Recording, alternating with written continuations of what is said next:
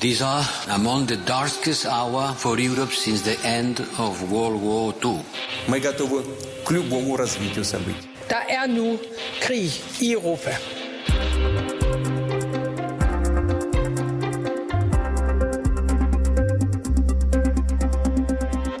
lader til, at den russiske regering pynser på at afholde folkeafstemninger i fire forskellige regioner i Ukraine, måske allerede her i løbet af sommeren. Folkeafstemninger som øh, altså om at blive en del af Rusland. Det drejer sig om Luhansk, Donetsk, Kherson og Zaporizhia, altså områder, som russerne på nuværende tidspunkt har besat store dele af. Og i Kherson, der har russerne allerede indsat sit eget styre, ligesom de også har indført rubler som den officielle møntfod.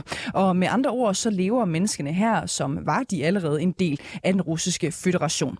Du lytter til Krig i Europa, hvor vi i dag ser nærmere på, hvordan det er at leve i de besatte områder. Vi spørger, om det er realistisk med deciderede folkeafstemninger, og så dykker vi ned i den organiserede modstandskamp. Mit navn det er Cecilie Lange, og du lytter til Krig i Europa.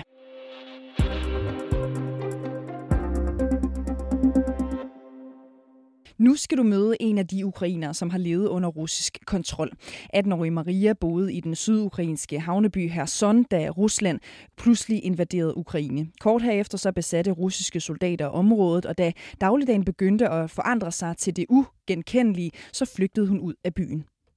Все товары русские, крымские, э, наличных вообще нет, и снять тоже негде, потому что отделения банков закрываются. alle varer er russiske, de er fra Krim, der er slet ingen kontanter tilbage, og du kan heller ikke hæve penge nogen steder, fordi bankerne er lukket. På gaderne går der folk rundt med våben og militært udstyr. Det er meget skræmmende, og selv når man hører lyden af en bombe, så er der ingen alarm. Så man ved ikke, hvad der foregår, man ved ingenting. Det er overhovedet ikke normalt, siger altså den ukrainske Maria om det, hun oplevede i Kherson efter den russiske besættelse af byen. Og da hun bliver spurgt ind til leveforholdene, så er det tydeligt, at tingene også har forandret sig. Э, Люди теряют работу, а те, кто еще имеет работу, получают зарплату на карточку, снять нигде нельзя, терминалы нигде не работают. Folk mister deres arbejde, og dem, der stadig har et arbejde, får løn ind på kontoen, men de kan ikke hæve pengene. Det medfører, at folk sulter i regionen. Der var ikke noget vand og elektricitet i en måned, og man ved heller ikke, hvor mange, der er blevet dræbt i området, siger altså ukrainske Maria her. Og det gik ikke ubemærket hen, da de russiske soldater overtog Herson. Maria var selv med i demonstrationer imod det russiske militær, og det til trods for, at hun godt vidste, at det kunne være ekstremt farligt.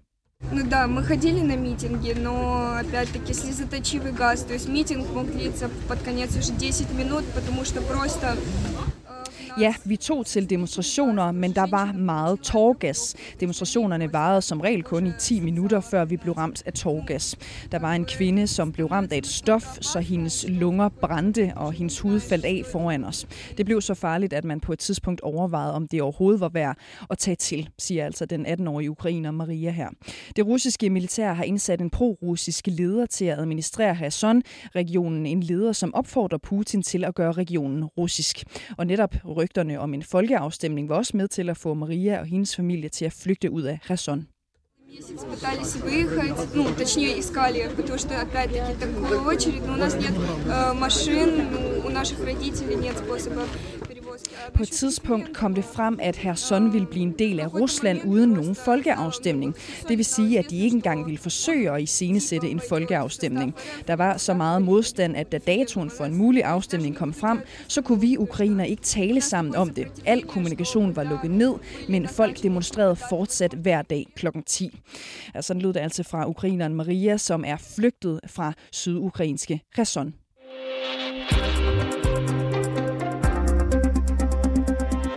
Stefan Weikert, øh, velkommen til øh, programmet. Mange tak. Du befinder dig lige nu i øh, Oktyrka, knap øh, 100 km vest for øh, Kharkiv. Og det er dig, som har talt med Maria, som vi lige øh, hørte fra tidligere her, som altså er flygtet fra Kherson. Jeg kunne godt tænke mig at starte med at spørge dig, altså hvor russisk vil du egentlig sige, at Kherson er lige nu? Jamen det vil jeg sige, det er den blevet ret meget russisk, altså som du selv øh, nævner her i introen, ikke? Altså så, øh, og det som vi hører her fra Maria, jamen så er varerne jo blevet russiske nu. Altså det er jo ukrainske supermarkeder, der lukker, og russiske supermarkedskæder, som begynder at åbne. De bruger nu den øh, russiske valuta i hvert fald, forsøger i hvert fald for, øh, for myndighederne i Kherson at få folk til at bruge den russiske valuta. Øh, det er ikke muligt, øh, i hvert fald ikke i særligt stort omfang, længere at bruge øh, ukrainske SIM-kort i telefonerne, så det er simpelthen nødt til at skifte over til, til russiske udbydere. Øhm, og så alle de her synlige symboler, altså statuer af, af ukrainske helte og, og ukrainske flag og sådan noget, er blevet fjernet og erstattet af russiske. Og det er klart, at det møder modstand, som vi hørte her øhm, fra, fra Maria af, men, men det er noget, der bliver slået hårdt ned på, fordi de ligesom presser på for at, øhm, at forsøge at få, få gjort, eller gjort regionen så, så russisk som overhovedet muligt. Øh, blandt andet også ved nu at snakke om at lukke grænsen. Der er noget rygter om, at de har gjort, altså man får for, for at øh, forhindre, at folk de, de nu øh, forlader området også. Og Stefan Weikert, jeg vil også rigtig gerne tale med dig lige om, om, om rygterne om den her folkeafstemning. Altså, hvad er status i forhold til at etablere en folkeafstemning om at gøre Kherson øh, russisk? Jamen status er, at vi ved ikke helt, om det sker, og i givet fald, hvornår. Altså der er så mange rygter omkring det her, det er rygter, der har svidet i, i flere måneder, og selvfølgelig også øh, med stor næring af, at den, altså den, den russiske udpegede leder i Herson jo også snakker om, at det skal vi have, og vi skal være en del af Rusland. Øhm, der har været snak om det længe, men vi ved ikke rigtigt, om det sker. Der er også snak om, at måske så dropper man helt den her øh, folkeafstemning, som, som man selvfølgelig for Vesten af bliver uparet, som om den ikke vil være øh, retfærdig. Vel? Altså, det, vil, det vil måske være lidt... Øh, øh, snyd forbundet med den, men uanset hvad, så, øh, så er der også snak om, at leder måske bare helt vil droppe den, og så bare sige, at ej, men altså som midlertidig leder af regionen, så kan jeg jo i hvert fald, og byen, så kan jeg i hvert fald bare træffe beslutninger om, at det gør vi. Så vi ved ikke helt præcis, øh, hvad der sker. Der er meget forvirring, som vi også kan høre, at Maria snakker om her. Mm. Og nu synes jeg jo i hvert fald, det var rimelig tydeligt, når vi hørte fra Maria her, at hun ikke er den store fan af ideen om en, en folkeafstemning, som kan gøre, øh, øh, undskyld her, sådan øh, russisk. Er det den generelle opfattelse hos ukrainerne, som bor i øh, de russisk besatte regioner, hvor man netop taler om de her afstemninger, altså øh, Luhansk, øh, Donetsk, øh, Zaporizhia og så også øh, Herson, altså at man ikke er fan af de der afstemninger? Ja, vi, vi ved ikke helt vildt meget. Altså dem, som jeg simpelthen snakker med her, øh, som ligesom Maria, som er flyttet ud af regionen, det er klart, at de er jo ikke fan af det. Det er jo en af grundene til, at de er, de er flygtet. Selvfølgelig gør, at der er bomber, der falder også en stor indvirkning, men det er også omkring det her med, at de ikke vil leve i et russisk besat område. Men så er der så spørgsmålet, den der bliver tilbage. Og, og det er, altså det man kan kigge på, det er nogle af de undersøgelser omkring, hvad folk de synes om Rusland før af invasionen i februar, og der er ikke specielt meget opbakning i de her områder for at blive en del af Rusland, eller for den sags skyld, øh, hvad kan man sige, komme endnu tættere på Rusland. Selvom det er de regioner, som er sådan lidt mere øh, venligt stillet mod, mod øh, Rusland i forhold til andre regioner i Ukraine, så er der ikke særlig stor opbakning for, for sådan noget her. Så derfor så virker det urealistisk, at der skal være helt vildt meget opbakning. Men der er jo stadigvæk en del, der bliver tilbage, og jeg har simpelthen snakket med en mand, øh, som er blevet dernede, og øh, han siger, at han hader Rusland, men han, grunden til, at han ikke er flygtet, er ikke fordi, at han gerne vil være en del af Rusland og verden noget, men det er simpelthen fordi, den gård, han har, og alt han ejer, jamen det er i det her område, så han, han, så det vil han ligesom ikke efterlade. Så jeg tror også, at mange mennesker bliver der simpelthen, fordi at de er bange for at blive efterladt med ingenting. Og øh, når vi kigger på de områder, så er det jo måske også nogle, øh, hvor mange vil tænke, at de historisk set er mere russisk øh, venlige, selvom de måske ikke ønsker øh, som sådan at være en del af, af Rusland. Men hvad er det, folk frygter, øh, der kan ske med øh, sådan en afstemning? Jamen den ene ting er, som jeg har øh, snakket med folk om, der er flygtet, det er, at de flygtede nu, fordi de var bange for, at hvis den her øh, afstemning lige pludselig kom, så vil man bruge den øh, afstemning til at sige, at nu lukker vi grænserne øh, altså så man ikke kan flygte over til det ukrainsk kontrollerede område. For selvom det er rigtig, rigtig svært og enormt farligt, så har det været muligt stadigvæk at gøre øh, i hvert fald nogle steder. Altså de er jo bange for, at den mulighed ligesom er blevet fjernet. Og det har det jo så også gjort. Altså nu har vi hørt om, at det er meget, meget, meget svært at, at krydse grænsen nu, fordi der er blevet taget en beslutning om, at det skal ikke kunne lade sig gøre længere. Øh, men derudover så er man også bange for, at hvis der kommer en folkeafstemning, og Kherson bliver en del af Rusland, i hvert fald officielt på Ruslands side, jamen så er man også bange for, at et ukrainsk angreb på, altså der er jo forskel kamphandlinger her, at, at det så vil blive set som et angreb direkte på russisk jord af Rusland og de så vil bruge det til at optrappe, øh, optrappe krigen. Øh, det er også en, en frygt, der er her i Ukraine. Mm. Den der frygt for, at man lige pludselig vil lukke grænsen, så man ikke kan øh, komme ud, at, er det en øh, rimelig øh, frygt, som du vurderer det, både ud fra, øh, hvordan du, du kender øh, landets øh, historiepolitik, øh, øhm, men også i forhold til de mennesker, som bor der? Det er svært at sige. Jeg synes, det er meget, meget svært at sige, hvad, for mig i hvert fald, hvad det er, øh, hvordan Rusland kunne finde på at tolke sådan noget der. Øh, fordi vi, vi ved jo, at, at Rusland har sagt noget omkring, at der kan være en, der kan være en, en, en linje imellem, en ting er at have, have krig i, i Ukraine og sådan noget andet der, øh, ligesom hvis man angreb russisk territorium. Så jeg ved det ikke helt, men jeg, jeg ved i hvert fald, at folk hernede er bange for det også. De er også bange for, at hvis der kommer en folkeafstemning, og den så ligesom viser, at åh, vi skal være en del af, vi skal være en del af Rusland hernede, at det også ligesom vil være øh, altså, altså håbet om at blive, komme tilbage til Rusland, ligesom, eller undskyld, tilbage til Ukraine, altså blive en del af Ukraine igen, at den at ukrainske her kan tage det her område tilbage, at det ligesom forsvinder. Mm. Gør øh, russerne, som jo blandt andet administrerer øh, Herson, noget for at gøre en folkeafstemning på en eller anden måde, hvad skal man kalde det, altså attraktiv for ukrainerne, så de måske ikke sad inde med den her øh, frygt og bekymring øh, i forhold til afstemningen? Jamen altså, de siger myndighederne, at, øh, at, at alting vil blive bedre, at, at de her problemer, der er nu, øh, som vi også hører Maria snakke om, at det er kun midlertidigt, og alting skal nok blive godt, når vi bliver en del af Rusland, så skal alting nok blive bedre. Øh, men altså, jeg, jeg har ikke indtryk af, at det er noget, der rigtig bider på de her mennesker her, fordi de, de er godt klar over, hvem der har startet krigen. Øh, og de ser jo ødelæggelserne, deres hjem bliver ødelagt, øh, være nødt til at flygte fra alt, hvad de ejer. Og, og dem, der bliver tilbage, de ser, at priserne stiger stiger på mad. Øh, at, de, at, det, at, at dagen i går er bedre end dagen i dag. Så jeg, jeg tror, at... Øh, på en eller anden måde, så tager jeg tvivler på, at de ting, som der bliver lovet fra administrationen i Kherson, altså en russisk støttede leder, at det ligesom gør nogen indvirkning, men, men det er selvfølgelig svært at sige, men det er ikke ligesom om, at det, som de lover i hvert fald, det er ikke ligesom være i stand til at levere. Stefan Weikert, øh, dansk journalist øh, her til morgen med os fra øh, Tyrka. Øh, tak fordi du var med her til morgen.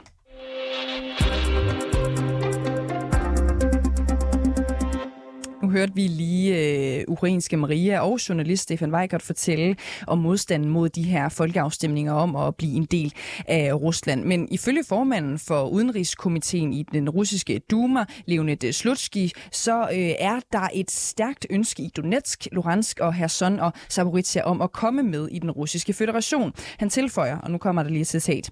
Jeg vil ikke forsøge at spå om fremtiden, men jeg kan jo gætte på, at sådanne initiativer om at afholde folkeafstemninger i de regioner, regioner kan komme på bordet meget snart, og de måske kan finde sted. Meget muligt endda til sommer, og måske endda på samme tid. Claus Mathisen, lektor i russisk og militære relationer ved Forsvarsakademiet samt tidligere forsvarsattaché i Ukraine. Velkommen til øh, programmet. Tak skal du have. Først og fremmest, er det overhovedet realistisk, at russerne kan afholde folkeafstemninger i de ukrainske regioner, øh, Donetsk, Luhansk, Kherson og Zaporizhia, allerede her i løbet af sommeren om indlemmelse i den øh, russiske federation?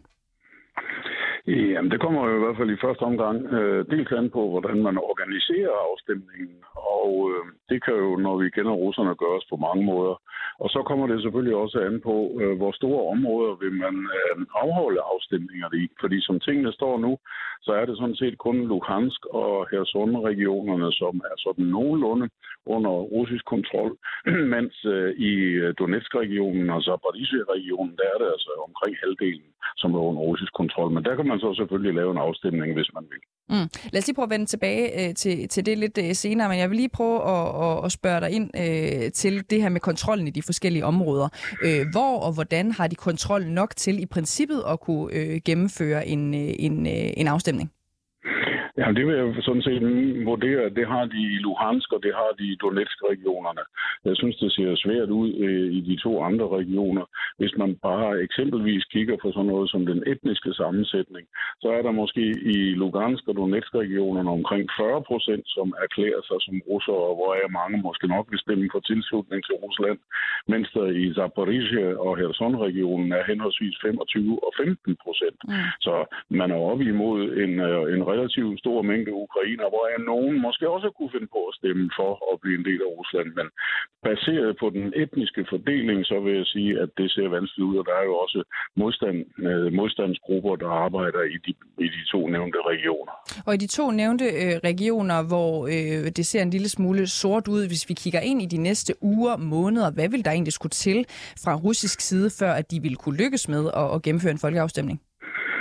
Ja, altså hvis den skal se bare nogenlunde øh, sådan øh, troværdig ud, og det er, hvad den jo i øvrigt aldrig kan blive helt, fordi uanset hvordan det kommer til at se ud, så vil det jo ikke blive anerkendt af andre end Rusland selv.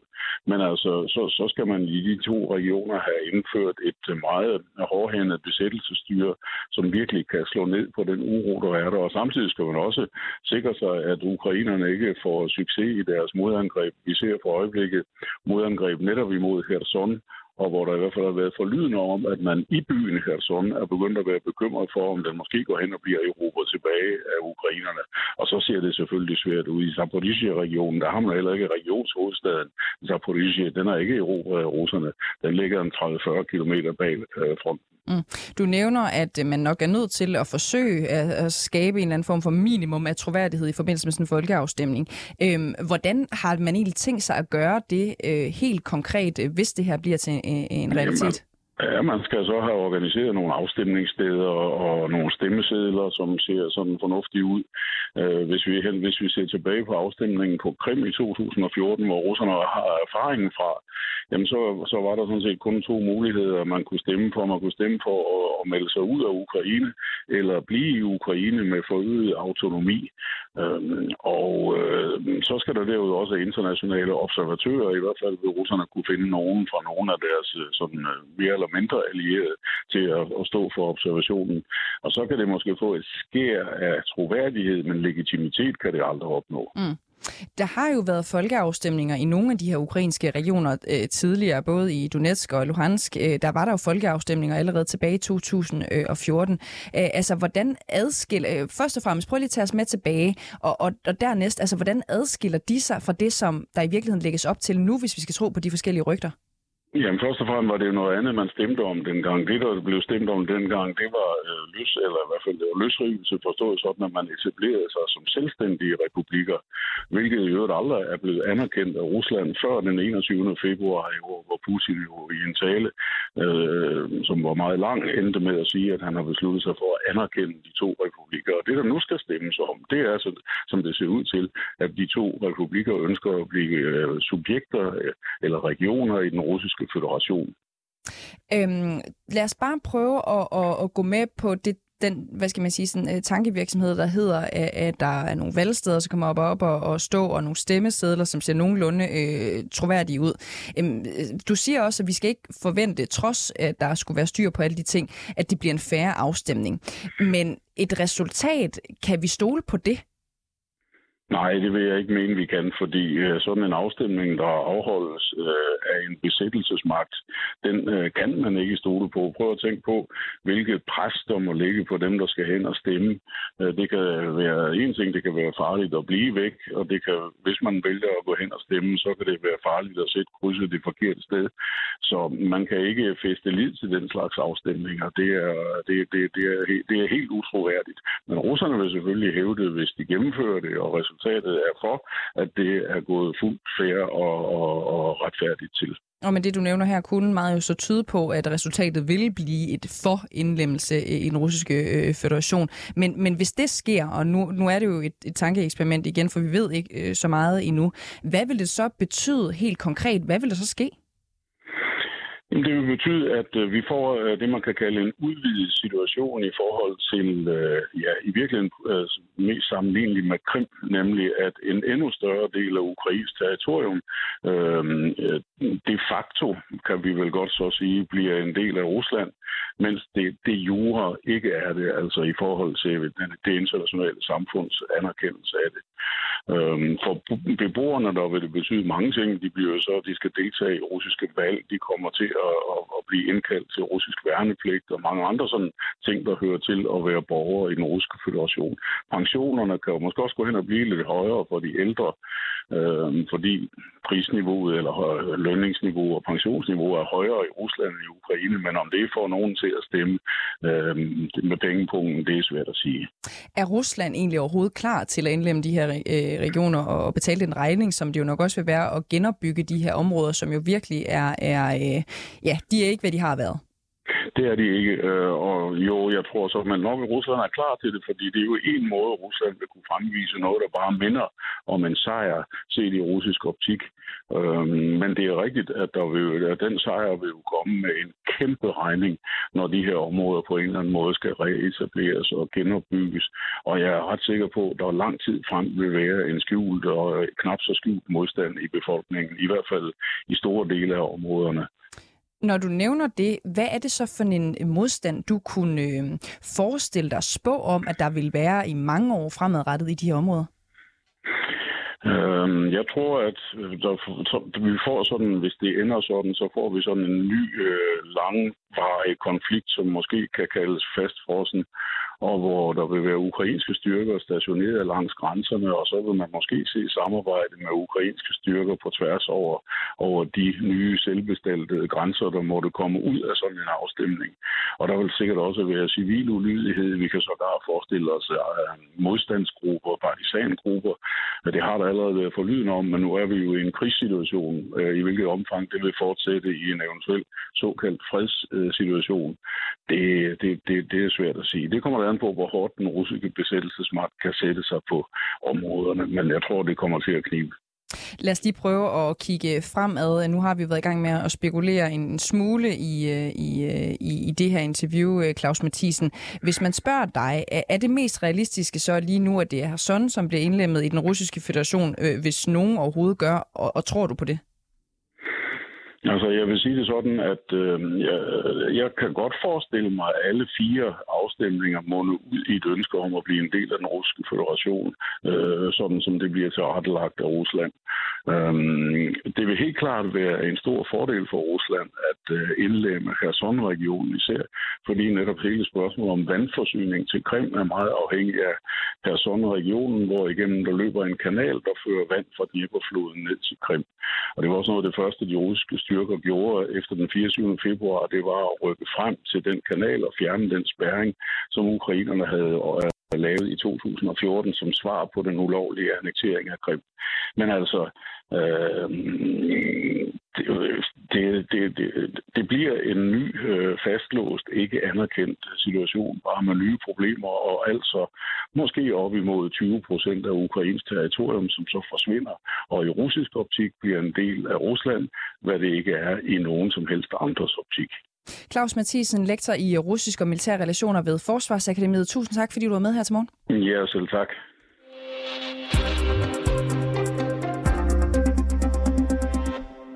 Vores folk gør alt for at være sikre på, at jorden brænder under fødderne på besættelsesmagten. Sådan siger borgmesteren i den besatte by øh, Melitopol i det øh, sydøstlige Ukraine. Borgmesteren er selv flygtet fra øh, byen, som er besat af russerne. De folk, han taler om, det er ukrainske partisaner, der fører modstandskamp mod russerne i og omkring byen, der er et vigtigt knudepunkt for landets jernbane. Og partisanerne ligger ikke på den lade side, kan man vist roligt sige, fordi inden for de sidste tre uger, der har der således været tre bombeangreb på russisk materiel og på en pro-russisk politikers hjem. Jakob Korsbo, godmorgen til dig. Godmorgen, godmorgen. Du er senioranalytiker i Tænketanken Europa og tidligere chefanalytiker i Forsvarets efterretningstjeneste. Øh, hvad ved vi om de her partisanangreb? Nå, jamen, vi ved, vi har ikke ret mange øh, detaljer om dem. Øh, altså, man kan jo se, at øh, de forstår at lave improviserede sprængladninger, det er den måde, de angriber på. Øh, og, øh, og så øh, griber det mere og mere om sig, hvilket også er ganske naturligt i en konflikt øh, som den her. Øh, der er mange ting, som er, som er uklare, vil jeg sige. Øh, men vi er også stadigvæk øh, meget tidligt i, øh, i konflikten. Man kan sige, at russerne har jo ikke stået i Melitopol andet end i to og en halv måned. Så derfor det, at der allerede nu foregår øh, det her, øh, den her modstandskamp, øh, det tyder på, at, øh, at noget i hvert fald har været forberedt, inden, øh, inden russerne overtog magten i området. Så vil det være fair at sige, at det måske ikke lige er gutterne nede fra den lokale bodega, som sådan lige har fundet på det på, på en halv time og blevet enige om at lave noget ballade? Ja, det, det er det nok næppe. Øh, det er det nok næppe. Altså, det, det, det når man... Hvis, hvis det var sådan nogle simple former for angreb med, øh, med skydevåben øh, og den slags, øh, så, så kunne det jo godt være det, men når det er nogen, der begynder at lave improviserede sprængladninger og, og ramme øh, det, man kan kalde samarbejdspolitikere øh, med den russiske besættelsesmagt, så, så tyder det på, at, øh, at det er nogen, der er, der er rimelig godt forberedt.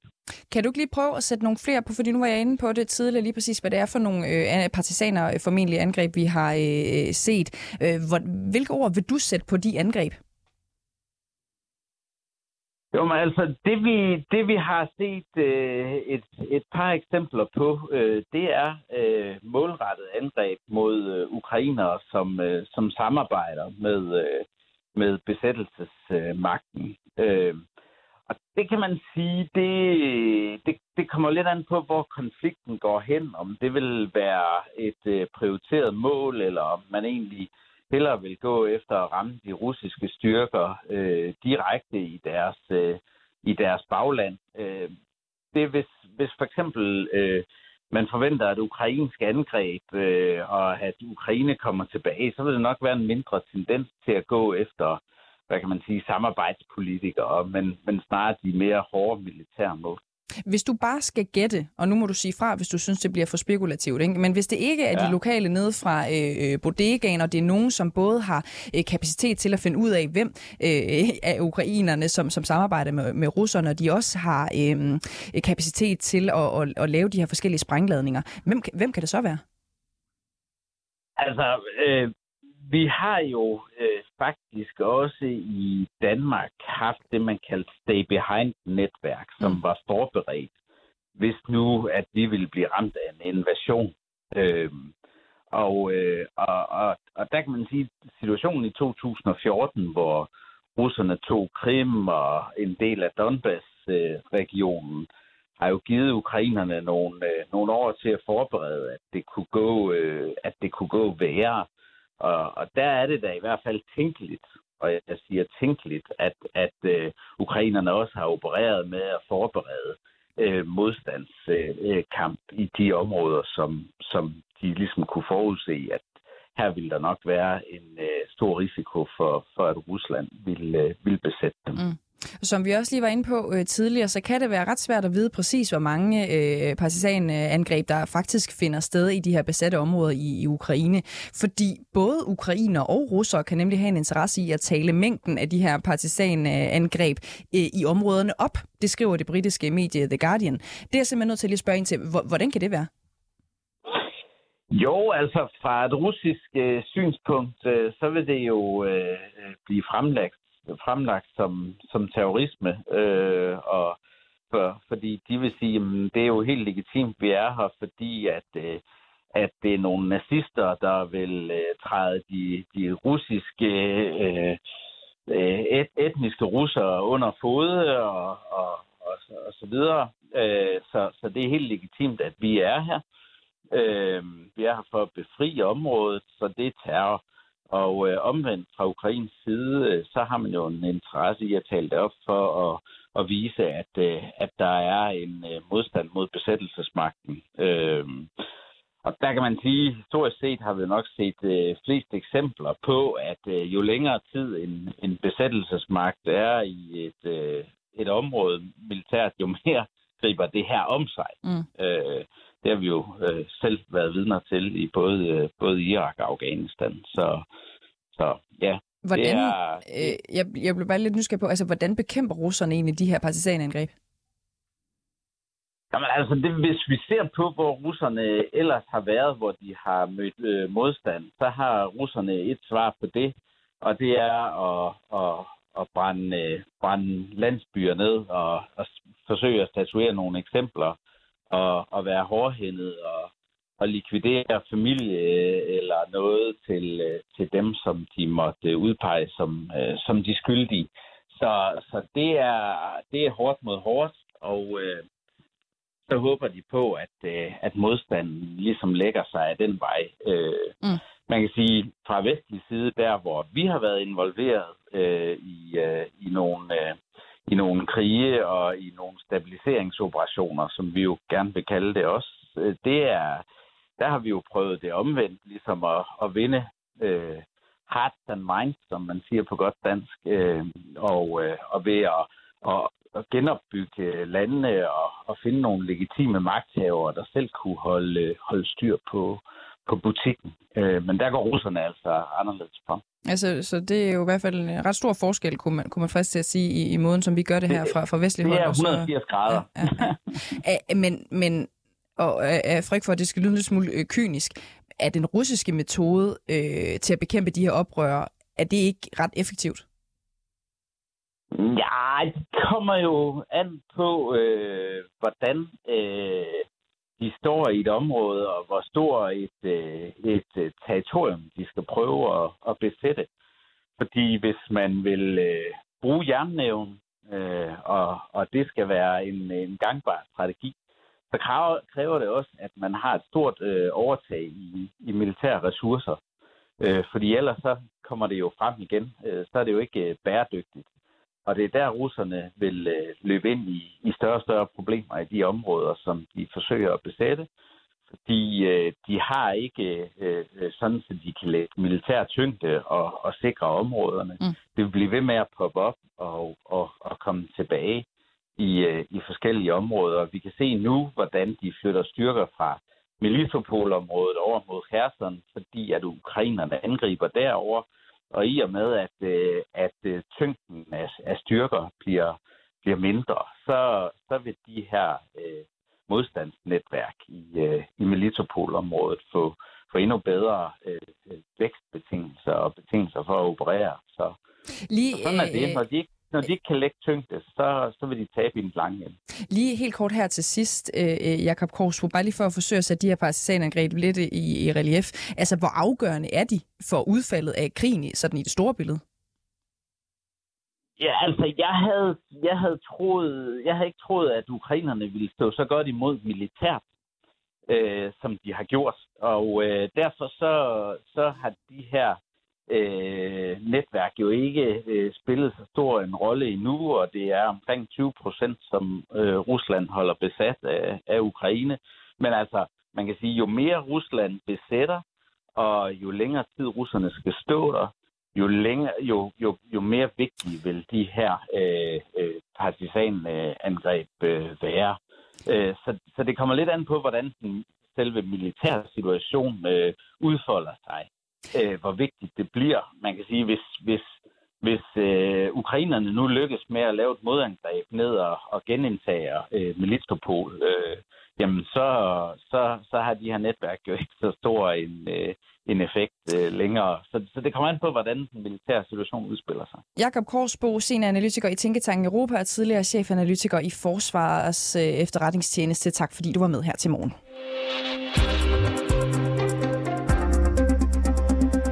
Du har lyttet til Krig i Europa. Redaktionen bag dagens program er Sofie Ørts, Oliver Bernsen og redaktør Christine Randa. Mit navn det er Cecilie Lange, og husk at du kan finde alle udsendelser øh, af Krig i Europa, der hvor du normalt finder dine podcasts.